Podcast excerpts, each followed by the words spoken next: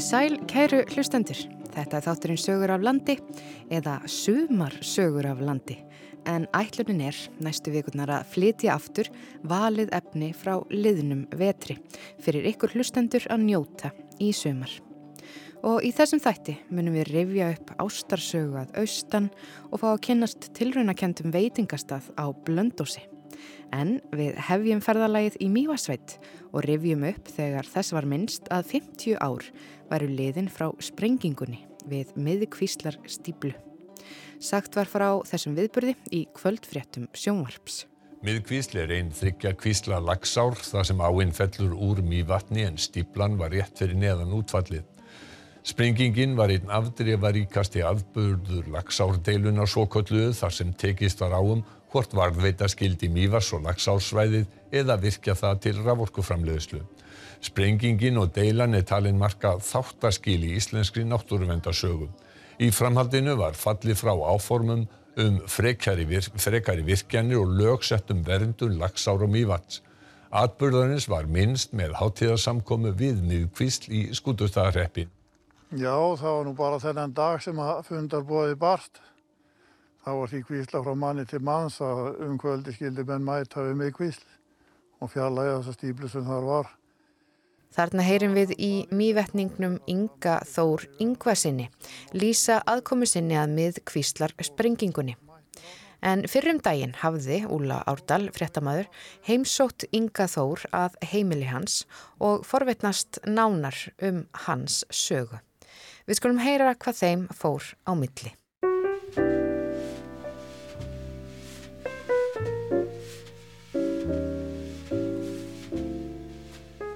Er þú fættur og uppælinn hérna í Mývarsveit? Ég er reyndar fættur á Akranesi, það sem að móðu mín er ættu. En alltaf tíð þegar ég búið hér á skótstöðum við Mývatn. Strax, ja, mitt líf hefur meira minna snúist um veiðiskap.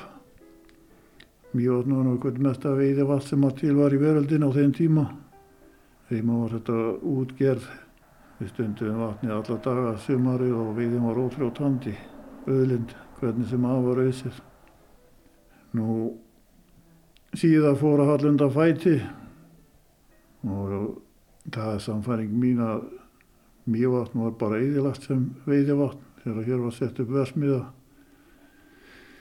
sem að ég dældi upp botni í mývatn og raskaði lífrikinu öllu. Síðan hefur mývatn ekki verið svipur hjá sjón og fugglalífið á í vöka verjast enn þann dag í dag. En mitt starf snýrist lengst af um veiðiskapinu fljótlega fóru út í það að standa vörðum fugglalífi hérna til ég. Ég telur mig vera vörslumann fugglalífs við mývatn. Það er að segja að ég fór fljótlega út í það að veiða hér ref og mink og annan varg sem að herjaði með skoðanleist á fugglalífi hér í mývatn. Og hef helgað mig því nú í 44 ár. En let það störfa núni í vor samt sem áður og tel mig að það var náða ágættum árangri í því og, ekki veitti af ekki að fugla líf bæði hér og annar staðar á undir högg að sækja allstaðar orðið og mín hugsun var alltaf svo að við skildum að gera það sem við gætum hér til að halda í fugla lífið og í þessi 40 ár var ég bara í því að sérhafa mér þegar ná árangri í því að standa vörðum þetta fugla líf hér um mjög Og í hverju fælst þessi vinna? veiða allan ref og allan ming á svæðinu, alltaf þeim gjössanlega í skjafjum. Nú hinga sækir vargfugl í síöknum mæli. Nú voru hefst kannski með því að hinga koma flotar af gæltröfnum sem að vita og skynja strax sjálfur þegar þeir eru konar á staðin hvað verður í bóði hér þar að segja heilmikið ekki að veistla. Þeir setjast upp og býða til varpinu. Svo herja þessi hrafnaflotar á andavarpið og er afa stóldækur vargur í því og færu lán til með það að rústa sko öllu andavarpið hér í mjövatni eða fengi aðtapna sig hér óheft. Nú þeir taka stóran tótla öllu andavarpinu. Svo þarf að kemur fram á sumar ef einhverju ungar hafa komist fram á vatna og sækja hérinn flottra sílamáum og svartbákum sem eru afa stóldækur vargur í fugglalífunu það að segja þeir týna upp andarungan af vatninu það er sannfæring mín að ef að fyrsta lagi hrafnar fengi að sarga hérna á varpinni eins og ég geta og svo sílamáður og svartbakkur á ungonum þá er ég bara búið með þetta fugglalíf hér á mjövatni og þá er ekkit var að tala um ref á ming sem er einnig stórtækur vargur í öllu fugglalífi Nú ertu sestur í Helgan Stein, segiru. Hvernig leggst það í þig? Það er svolítið erfitt, ég verður ekki hana það. En einhvern tíðan verður maður að hætta á. Nú var sá tími komin bara, það var einlegt annað í stöðunni fyrir mig. Segðu mér aðeins frá þessum áhugaðinum á dýnamíti. Það var einhver, einhver alveg sérstök ástríð á okkur bræðin. Ég er nú tvíbora bróðir, átti tvíbora bróðir sem er nú reynda dái núna. Það var alveg ástríð á okkur alveg frá blöytu barsbeini allt sem að við komum bissum og skotværum og síðan sprengi efni. Nú, þegar ég byrja nú í þessi minkaveðum hér, mínum hér þá var nú dýnamitið sko helsta vopni sem við höfum til að slátt við minkinn. Það sé að ég er náttúrulega góð sem land fyrir mink. Þessi hraun sem að hér eru allstaðar. Ég haf byrjuð uppið þar hólur og og sílumslóntur aðstæðar þannig að þetta er alveg góð sem land fyrir ming og menn hafa lengi haldið það að helst óraði til þess að veiða ming væri mingahundar ég var með mingahundar hér í yfir 20 ár á þeim tíma sannfærist ég um það að mingahundar duga ekkert í svona slag í þessu landslæði sem hér er í það minnsta mm. nú ég notaði dýna með tóspart á minga þessum tíma Svo var þannig einhver stjórnvals ákvörðun allt í einu að banna það. Það var þetta bara búið mála alltaf að veiða minkinn með dýnamitt. Ég fór alveg farið út í það að veiða minkinn í gildrur og einbeitti mér þá að vetra tímanum sem skilaði ótrúlega márangri og sannfærið með það að væri eina rétt að leiðin til þess að halda mink í skefjum og svona sveð eins og hér. Sprengingin við miðkvist, þú tókst þátt í henni. Getur þú sagt okkur aðeins frá deginum? Já, það var handvali í þenn hóp náttúrulega sem þarna mætti. Í þarna eru allir að vera sammála málstafni sem var barist fyrir. Við mættum þarna fjöldi fólks og það var ráðist á stípluna og átt að rífa hana niður í snarasti. En þá kom að það að þarna var steinstiftur veggur sem að enginn vann á nema nota þá dýnamitt. Nú við vissum það að dýnamitt var geimt á svæðinu, þar að segja virkunar aðalinn sjálfur lagsárvirkun hafði notað dýnamitt hér við að sprengja klakastýblur og lagsa. Þetta voru einhverjir sérstakir erfileikar þarna fyrstu árónum eftir þess að stýblur voru gerðar í lagsá hér. Þá mynduðs krapastýblur og okkur umstinguð í lagsá og það var eina úrvæðið að menn töldu að sprengja þetta burtu með dýnamitti og Lagsárvirkjun átti hér byrðir á dýnamitti sem var geimt í hellum við Lagsá.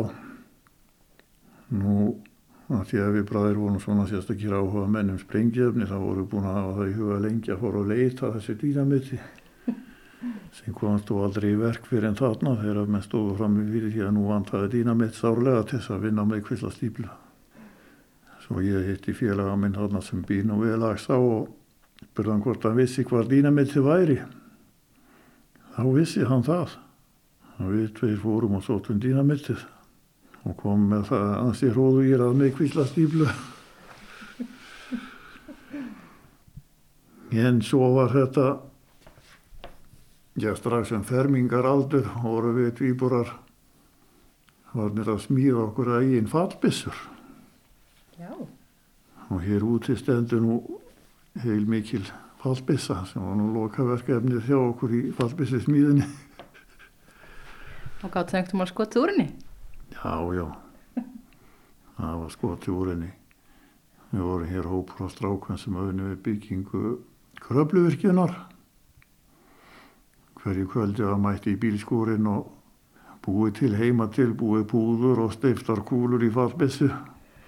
Og meningi var að safna í 21 fallbissu skot eins og tíkast mjög hjá bresku konarfjölgildinni þegar mikið hátíðarvöldi er að skjóta 21 fallbissuskoti og sindum haust þá voru búin að safna í 21 fallbissuskot og klukkan átta á mótni byrjum að skjóta hér út fyrir vatn. Þetta var eftir réttardagurinn á þeim á Reykjavík rétt. Og þeir heyrðu skotkvælin að dinja austur fyrir nám á fjall. En svo var þetta gert við einstaklega á til að tækja væri bara að skjóta fallbessinni það hefði ekki verið gert í mörg ára reynda núna og svo átti nú alltaf nú ég valdi að taka þessa bissu af okkur ef þessi er ekki hætt. En hún er hér enn. Þið hafið þá dreigð ykkur í hlið eða? já, já. Þetta var bara skemmtilegu tími meðan á þessi stóð.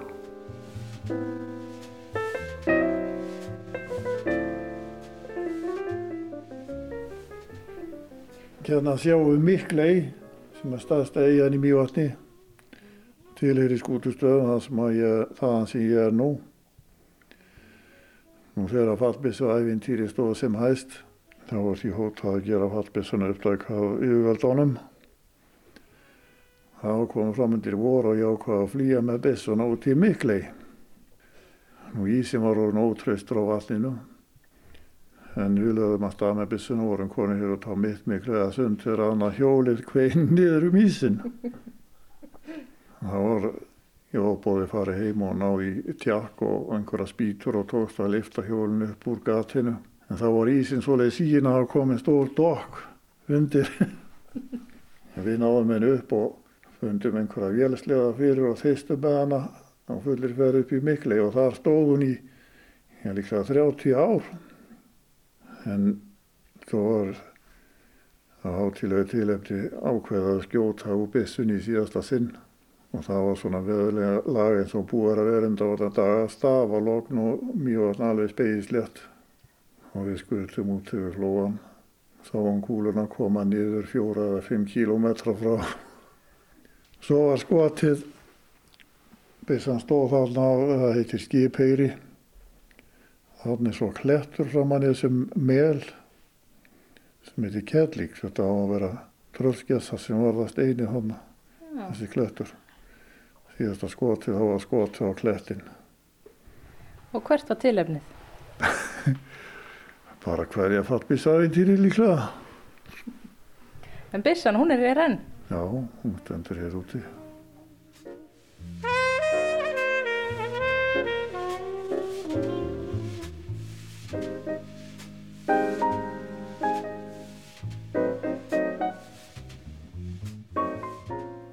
Hvaðan heldur að þessi áhugi komi?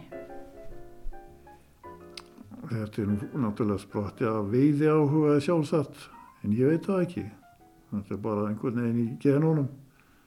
Það er sérstaklega áhugi fyrir bissum á skotfærum og síðan er hérna bóhillinni á mér með að segja að fatt bissu skot úr skriðdreka.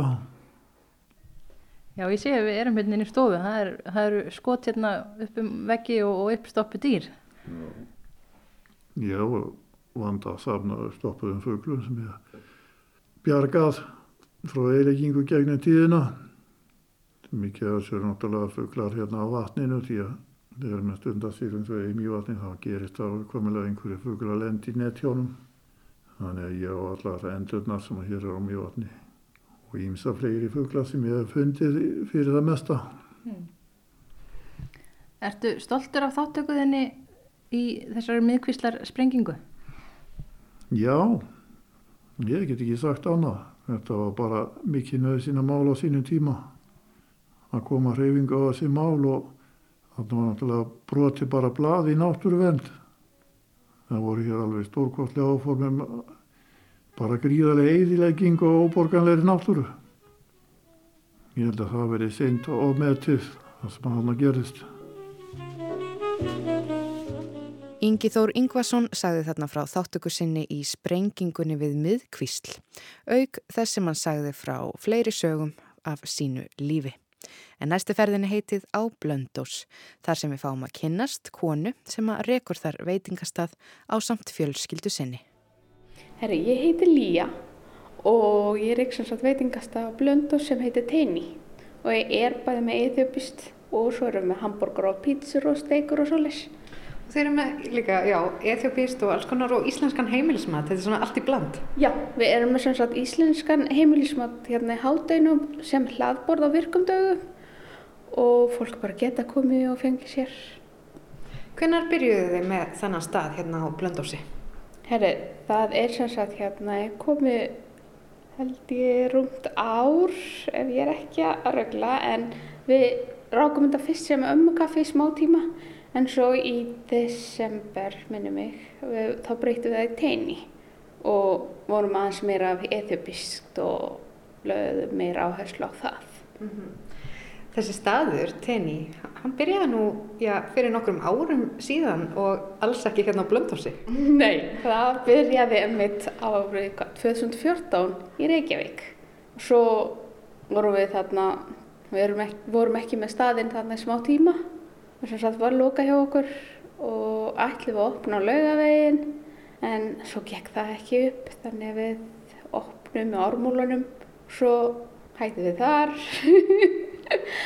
og svo flyttum við á Skagaströnd og, svo, og hér opnum við núna Já. sem er bara mjög gaman að endur vekja tenni aftur.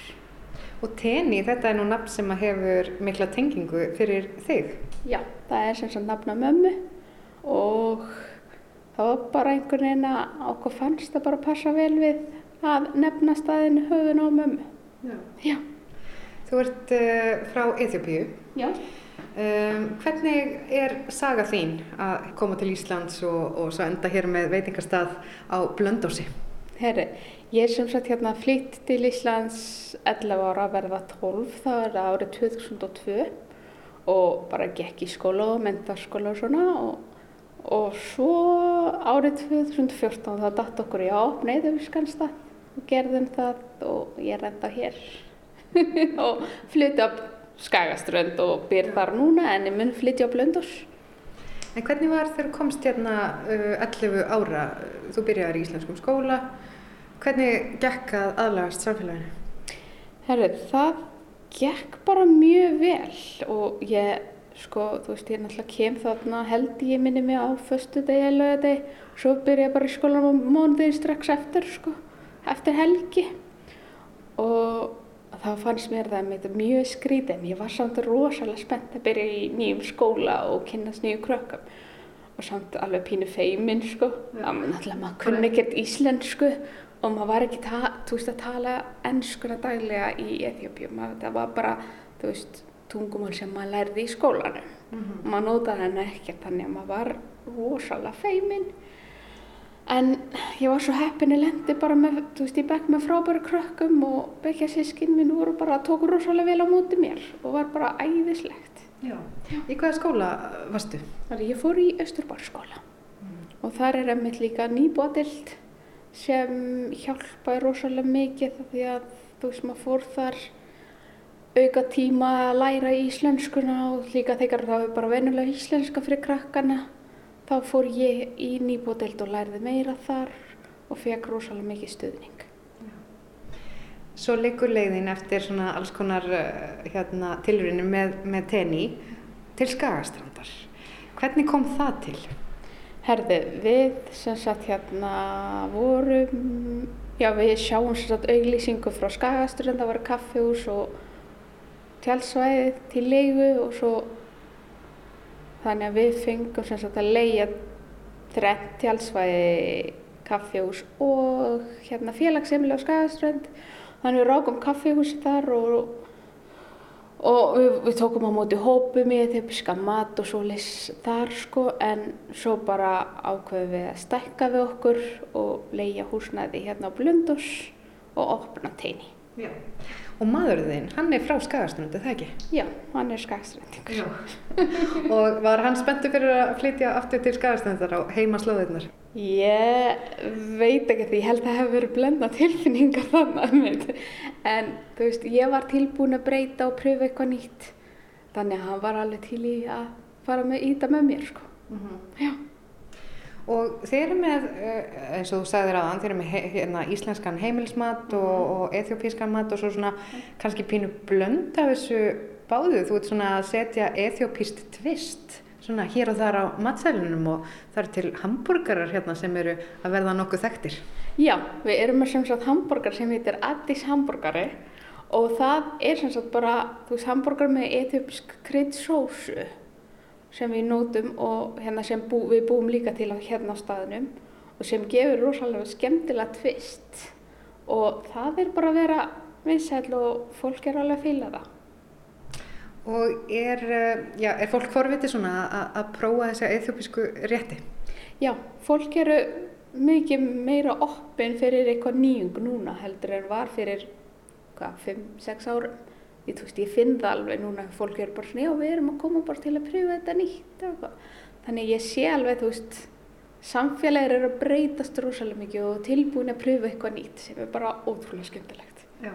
En hvernig er ethiopísku matur? Hvernig myndur þú lýsa honum? Ethiopísku matur er sem sagt hérna, það er veist, kjötrétt, um, aðalega nótu við nautakjött og lampakjött og svo kjúklingakjött. Svo erum við með rosalega mikið bönur og græmiti. Það er, sagt, það er rosalega mikið borðað af græmiti og bönur í Ethiopíu.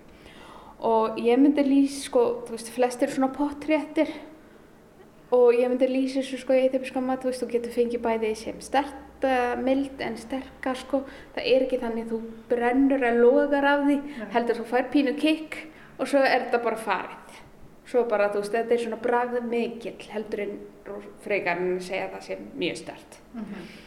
Og það er sem sagt hérna eðurskum að að borða með puttunum og það er sem sagt sósunar svo er súrdegs pönugaka sem fylgir og þú nota það til að borða með Þannig að þetta er svona nývaböru sem má borða.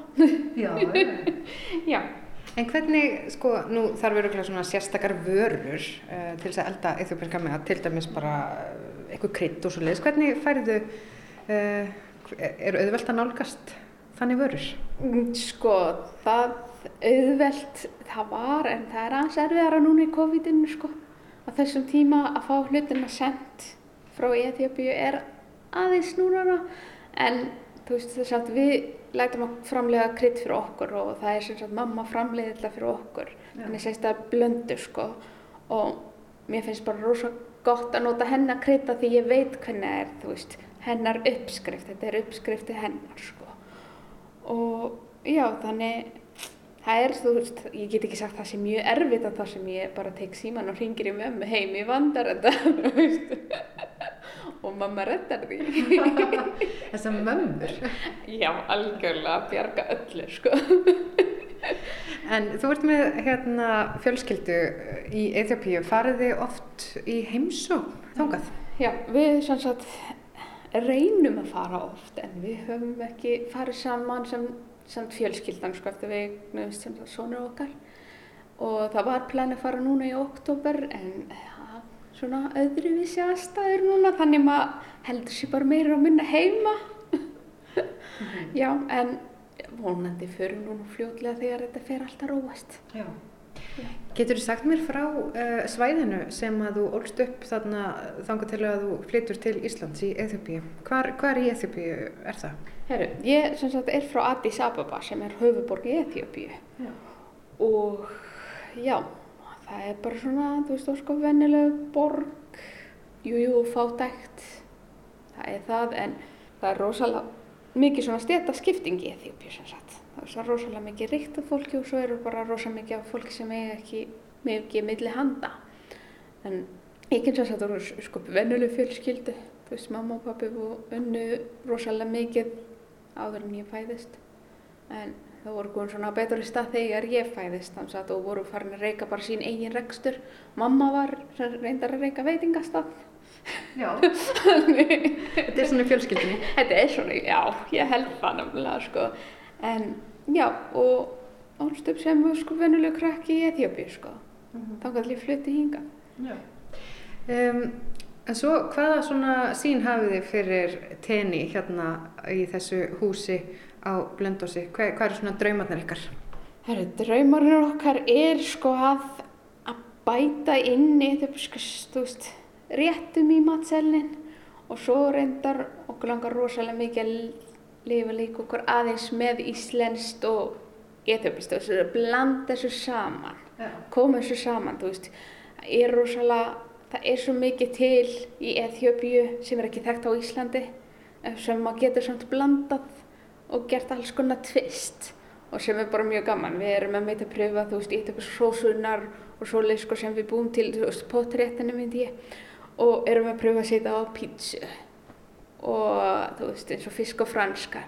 Við setjum í, þú veist, kryttum fiskin öðruvissi, þú veist, með eðjöpis krytt og svona og eins og salut, gera smá eðjöpis tvist í það.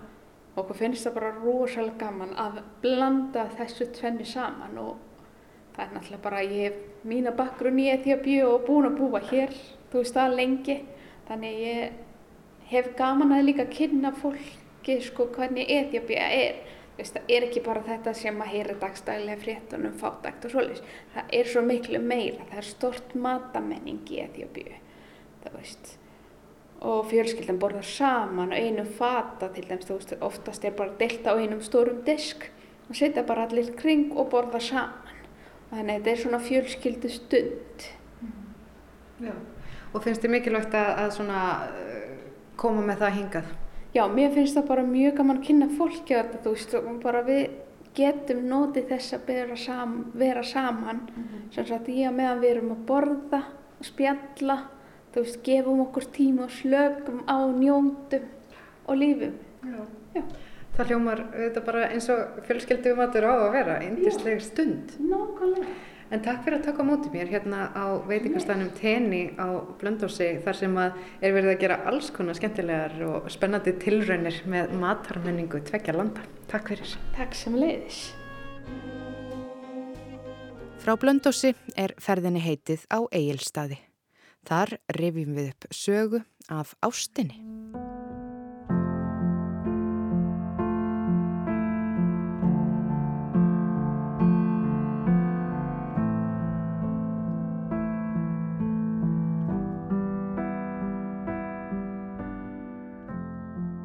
Fyrir jólinn kom átt margar bækur og jafnvel ástarsögur.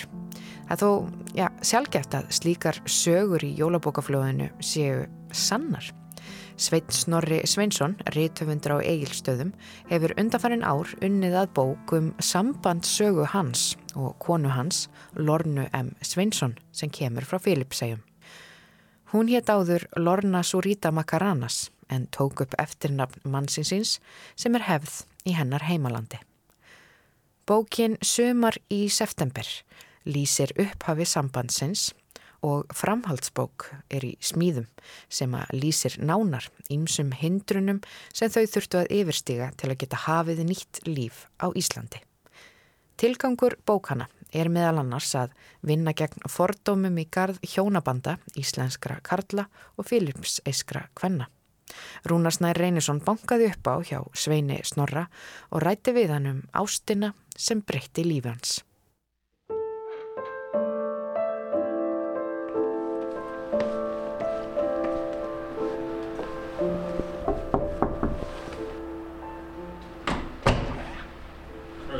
Sæl.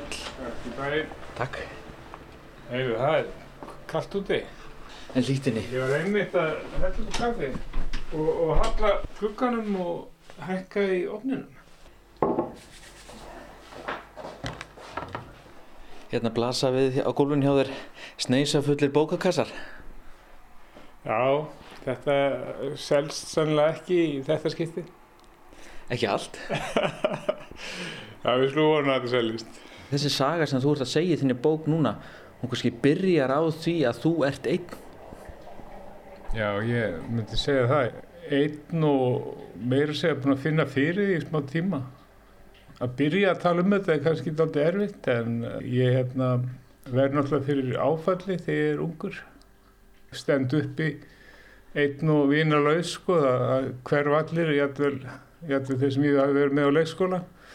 Þannig að eftir ákveðin tíma, þú sem segja eftir 1998 þegar ég verið edru, Það er mjög einnig tilverðinu fyrir utan það eiga fóreldra og sískinni. Ég hérna, skráð með eina vefsíðu sem að vinum minn í Noregi sem að heitir Hlinu Jökulsson að hann sendi mér hérna skilabóð og segi mér frá þessa vefsíðu út af því að ég er einhleipur og ég skráði mig þar inn og, og er búin að vera þar nokkur ár og tala við einhverjar konur þar sem að ég hef engan áhuga á að kynast frekar af því að það hafði ekki til mín fyrir en lorna kemur. Og hvernig gekk þér að markað setja sjálfan þig á, á þessu markaðstorki þarna? Já, það sem að hún var hrygnust af, það var það sem ég hef sagt í prófílu mínum um framtíð mína eins og ég vildi að hún yrði og svo fannst hún hérna tilvittninu mín góð. Tilvittninu hafði ég skrifað inn á rítvöndarsíða netinu kringum aldamótin. Og hún var á ennsku það var þýðandi sem að hétt Bernhard Skötter sem að þýtti ljóðið minni yfir á ennsku hann er dáinn. Þar áttu að gera sex orða æðuminningu og, og, og, og mín sex orða æðuminning var sem sagt uh, lost his mind found his heart þetta fannst lornur flott. Og svo var sem sagt spurt hvernig myndið þú helst vilja að framtíð þín yrði eins og þú sér þarna og þá sagði ég að eiga konu og börn og búa með þeim í fríðu og ró. Þetta var eitthvað á, á þá leiðina. Og það fannst henni líka flott. Einn daginn er ég að skrá með henni á síðuna og, og þá býða skilabóð mín í innhólinu. Og það hefur Lorna skrifað að henni finnst ég make a sense í prófílum mínum sem, sem er þá byggt á því sem ég var að segja þér. Sko yfirleitt á, í svona vefsíu sko einhvern fyrir að tala við því að gagstaði kyni þá fyrir að tala um sko hvað maður þessi myndalegur og, og eitthvað svoleið sko. En, en hún fyrir að tala um sko eitthvað svona personlegt eitthvað, eitthvað sem kemur úr heilabúin á mér. Þannig að þið eru þetta að ná einhvers konar andlegri tengingu getur þið sagt strax Alveg strax Kaffið er tilbúið Við svona vona að hérna, það sé korki og stertni og döft alveg nákvæmlega eins og við viljum að viðtali með þið. En ég vil kannski spyrja þig út í það líka af hverju fórst inn á þessa síðu, af hverju, af hverju döguði þér ekki bara verið einn? Það hafði ekkert gest hjá mér sko síðan ég var um tvítut. Þú veist, ég hafði ekkert uh, gengið gegnum eitt nám, ég var uh, búin að vera örki síðan 1995 átti enga fjölskyldu, ekki mína eigin fjölskyldu og þessu íslenska leið sem ég elst uppið sem úningur að, að hérna, fara á ball og slengja hérna, einhver stelp yfir aukslina og, og hérna, ganga með henni heim og þú veist eitthvað svona þetta var ekkit að, að hylla mig sko lengur og hendar mér ekki sko þannig að það sem mig, mig vandaði var náttúrulega meira eitthvað svona raunverulegt tilfinningulegt, ást, ekki eitthvað svona yfirbóskjönd. Það sem er hérna algjörlega ljóst er að ég er ekki á greipamarkaði. Mér var til dæmis rálegt að hérna byggja hann um að taka víti og ganga um svo ég sæja hana. Þetta er alveg afleitt ráð. Veist, þetta virkar ekkert svolítið. Við þurftum kannski að sanna fyrir hvort öðru að við værum bara svona sönn í því sem við værum að gera. Ertu með stuttan bókinu til að lesa? Þetta er sem sagt Lorna sem spyr mig í tölvupóstunum. Hefur þau einhver tíman hugsað út í það að heiminum er stjórnaf af körlum? Karlar eru djarfir, sterkir, hugrakkir og svo framvegis. Það ríkir stríð á milli þjóða því að þannig takast karlar á. Ef heiminum væri á hinbóin stjórnað af konum held ég að það væri engi stríð. Þjóðirnar væri bara að tuða. Það væri engin geriðing held ég, aðeins síðferðseining. Þetta eru orð Lornu í tölvupósti sem hún sendi mér og þarna sjáum við hversu frumlega og skemmtilega hugsun hún hefur sem er einmitt það sem heitlaði mér svo mikið í upphafi og reyndar náttúrulega allat í síðan. Við erum svona leitandi hugar sem að finna sig sko saman einhver megin. Við erum með svona telepati í raun og veru að því að við svörum hvort öðru oft áður en spurningin kemur og til dæmis í dag, við erum alltaf búin að búa saman í nokkur ár að þá segi ég kannski eitthvað sem hún var að hugsa eða hún segir eitthvað sem ég var að hugsa og einhver meginn skiptir einhver máli sko að hún sé frá Félsheim og ég sé frá Íslandi. Við erum bara tvær manneskjur sem að fundum ástina og áttum alveg dásanlegt ástaræfintýri sem að tegja sig sko frá Íslandi til Dubai, til Filipsega og þar sem að ég bý með henni í nokkuð langa tíma af því að við þurftum að gangi gegnum ákveðna hindranir til, sem við þurftum að yfirstiga til þess að fá að ganga í hjónaband. Hún var til dæmis í kirkju sem að hún mátti ekki giftast út fyrir og ég þurfti að konverta eins og að gallað og hérna skiptum trú og ganga í kirkjuna og það var alveg heilmikið prósess og það tók langan tíma og það var ástæðan fyrir að ég þurfti að fara út í Filipseg og búa þar af því að ég þurfti bara að sækja messu tviðsar í viku til þess að vera gjaldgengur í kirkjunni sko. í raun og veru sko, verður bara hérna halkið sprenging heimurinn bara opnast fyrir mér þegar ég kynni slóna í raun og veru þá, þá var þetta ekkert mikil tilvera og ég á ekkert engalif Ég bý mörg ár hjá fóldrum mínum og ég bara þurfti á því að halda að vera fullar en einstaklingur, að búa með, með hérna annar mannesku og eiga einhvern veginn eitthvað líf með henni. En hún er frá Filipsheim og þá strax hrannast upp, hvað ég var að kalla það, myndir, ímyndanir, fordómar um það að e, þetta sé kona nánast af einhverjum pöntunarlista hafið þið orðið vör við slíka fordóma eða, eða hjá fólki í kringum ykkur eða bara almennt í samfélaginu?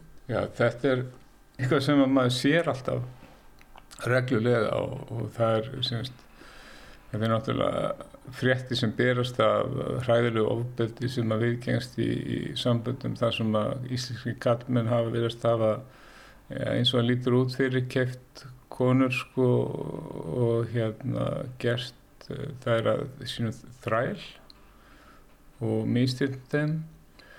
Þetta er nú myndin sem við fáum úr fjölmiðlum af blöndum hjónaböndum af þessari gerð ef það er eitthvað þá er það viðmót fólks. Það segir engin eitt. Uh, nú til dæmis þá skrifa ég á, á innabróta á kápunni á fossiðinni, á bókinni að að þessari bók sé líka ætlað að vinna á fordómum gaggast slíkum samböndum sem þetta er. Og það er mjög einfalt. Ég hérna semast vel að, að segja fallega ástasögu af góðu og ástryggu sambandi í staðan fyrir að segja hryllingsögu. Og sem betur fyrir þá er ekkert efni í hryllingsögu. En það er aðalega hryllingurinn sem við heyrum af. Hér til dæmis á Íslandi er að því er ég, ef við mann rétt 5.000 manna samfélag fylgpeisk fólks og það gefur auðvitað leið að, að það er ekki allar konur sko frá fylgsegjum sem að lenda í kynlýstþrældum hérna á Íslandi eða, eða einhverju álíka sko. Stundum veldi fyrir mér hvernig augum aðri sjá mig og ég er ansið fljótur að hrista það af mér af því að ég veit hver ömurleikin er. Og ég all hjónabönd af fólki frá þessum löndum sem ég þekki til það er ekkert eitt einasta samband sem er eins og það sem við sjáum í fjölmjölum það mætti kannski eh, svona fjalla um þetta eins jákæra hátt og sína eitthvað annað heldur en bara sko hryllingin Sko ég heyrði konu segja fyrir þá lengur síðan í Danmarku að þessar konur sem eru í Danmarku að þessi gifta kallmennum sem að dönsku konu vilja ekki og þannig að ég, ég geti verið svona úrkast sem að, sem að engin íslensk konu vildi. En það, það er líka þannig sko að hérna þarna er um greiðlega fordómar í gard filipeska kvenna. Það er látið bara að kaupa sig. Það gera það ekki Veist, þetta er alveg sem konurnar á hérna á Íslandi. Veist, ég segi í setnibókinni það sé svipað því sem að gerist hér á Íslandi varðandi erlenda menn, kallmenn og íslenska konur og líka þau setni heimstyrildina á ástandi hér á Íslandi þegar að konurnar margar fjallir flatar fyrir kurtisum bandarískum hermannum. Það er ekkert ósvipað og, og á Filipsson. Filipsson konum finnst oft mjög aðlægandi að þú sést erlendur kallmaður og þar gefur meira að einni ef þú, ef þú ert sko bara hérna ekkert með brún á hörnslitt að það er svona hérna, eftirsóknarvert í Filipsheim að vera að vera kvítur sem hljómar mjög undarlega. En sko fólk á Filipsheim tekur kvítunapillur og notar kvítunakrem og, og sumir spröyta sig með hættulegu efni til þess að öðlast kvítan húðlit. Þetta er alveg ræðilegt sko.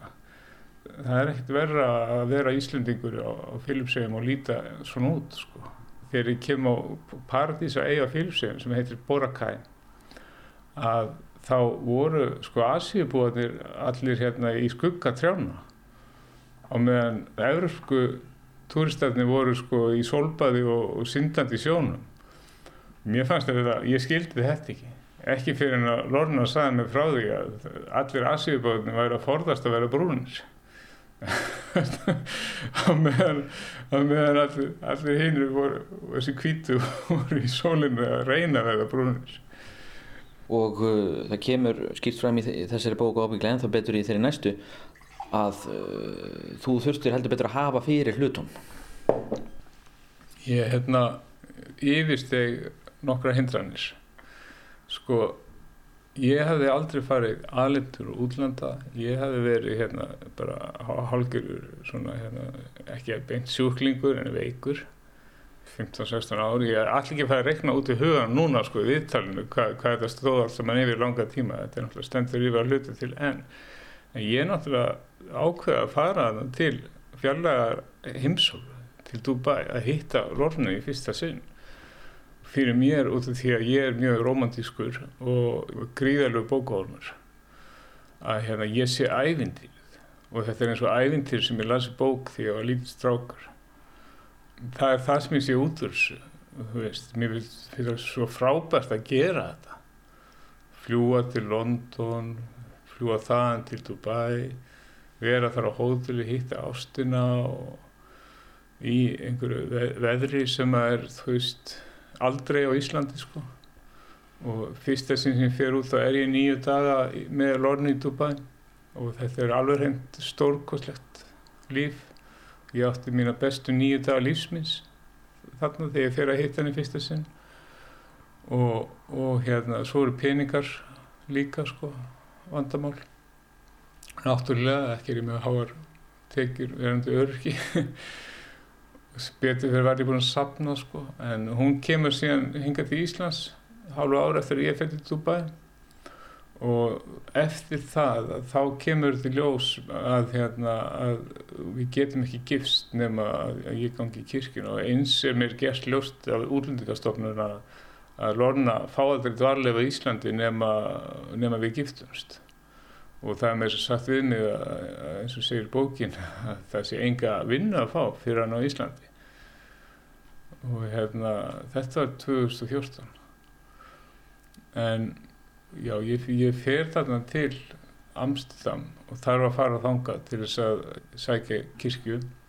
Og ég þarf að fara í gegnum 28 hálftum að kennstundir á, á netinu til þess að fara í gegnum kenningakirkjunar og þarna lend ég í samansku vandamálum af því að það er sund í þessum kenningum kirkjunar sem bara fellur ekki að mínum lífskoðan og ég, ég held sko að ég ætti að tala bara sem minnst um þetta, þetta er engamál og, og ég ætti ekki að tala mikið um það en allavega þarna í byrjun og, og lengi verið þá reyndist mér mjög erfitt að tílenga mér þessar trúalögu skoðans og, og saman yfirstíðum við allt það sem er lagt í, á okkar braut. Við höfum þurft að gera ákveðna hluti til að bara geta skapað okkar eigin líf. Og ég elska alveg að vera í þessari íbúð sem við erum hérna, sittum í og þetta er okkar heimili. Og, og hérna, hérna borgum við leigu eins og hvert annar fólk. Og eigum bara okkar eigið fallega líf saman. Eftir allt það sem það var á mót okkur. Já, ég semst vissi ekki að það væri hægt að hafa svona tilfinningar. Ég vissi ekki að það væri hægt að vera svona ástákin og ég vissi ekki að það getur verið svona gott að eiga maka. Og þetta hefur gjör breytt mínu lífi. Og ég, ég, er, ég er miklu hangisamari og ég er miklu betri af, af hérna ákveðinu hlýðum keðsutumana það er svo skrítið sko að þarna verður til svona annar veruleiki sem ég get verið í sko í staðan fyrir að vera alltaf í þessum veikinda hérna lífi sko að vera bara veist, einna báti veikur og down and out sko eins og segir á ennskunni mér finnst ég að hafa öðlast ákveðna reist sem einstaklingur. Og nú, nú er ég að lifa sama lífi og allir aðrir. Mér finnst ég að vera gjaldgengur í þjóðfélaginu. Ég var gössalega utanveldu hérna, á, áður en áður en í kynnslónu á einhvern undarlegan hátt þá gerði ég réttu hlutina til þess að ná í hennar lornu mína. Til að hafa mikið með það? Takk fyrir. En hún er ekki hérna núna til þess að leggja orðið belg en, en hvernig gengur henni að, að fóta sér í íslensku samfélagi? Já, henni gengur mjög vel að, að gera það en það er samt svona hérna, með tungumálið sem er ákveð vandamál. Og við tölum takalóku og ennsku aðalega hérna inn á okkar heimili. Og ég er að læra þetta mikið takalók og meira hefðin að ég er að kenna henni íslensku. En ég, ég veist að það er rosalega erfitt fyrir mig að segja fyrir hana hvernig hún hafa náða að fóta sig.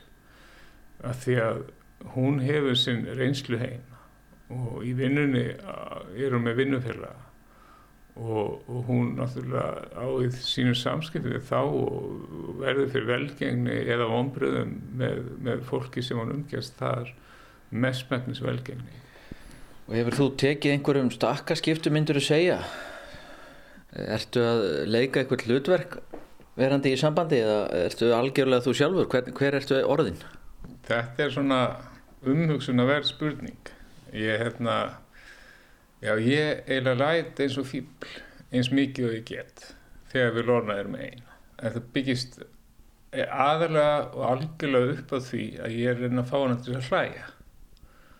Og ég er bara svona, eiginlega veist, það sem ég hérna, tek upp á Ég verði að segja alveg eins og þeir að, að gamli geðleiknirinn minn sem, að, sem er núna reyndar hættur og það var nú ekki út af mér uh, fyrir aldursakir, hann myndi sennilega veltaði fyrir sér hvort að þannig sé annar personleika ferð.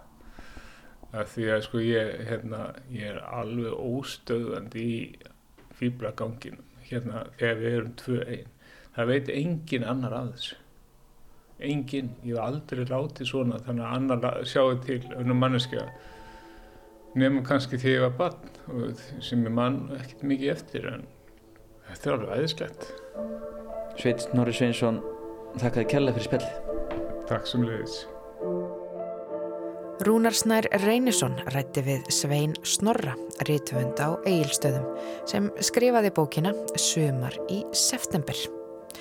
Eins og framkom var Lorna ekki heima þegar að viðtal var tekið en Rúnar fór aftur og heimsótti þau skötuhjú og rætti við þau bæði í sjóhansfréttum. Og þá er komið að lokum hér í sögum af landi þar sem rivjaðar voru upp valdar sögur frá liðnum vetri fyrir ykkur hlustendur að njóta í sumar. Við þakkum þeim sem hlýttu, lifið heil.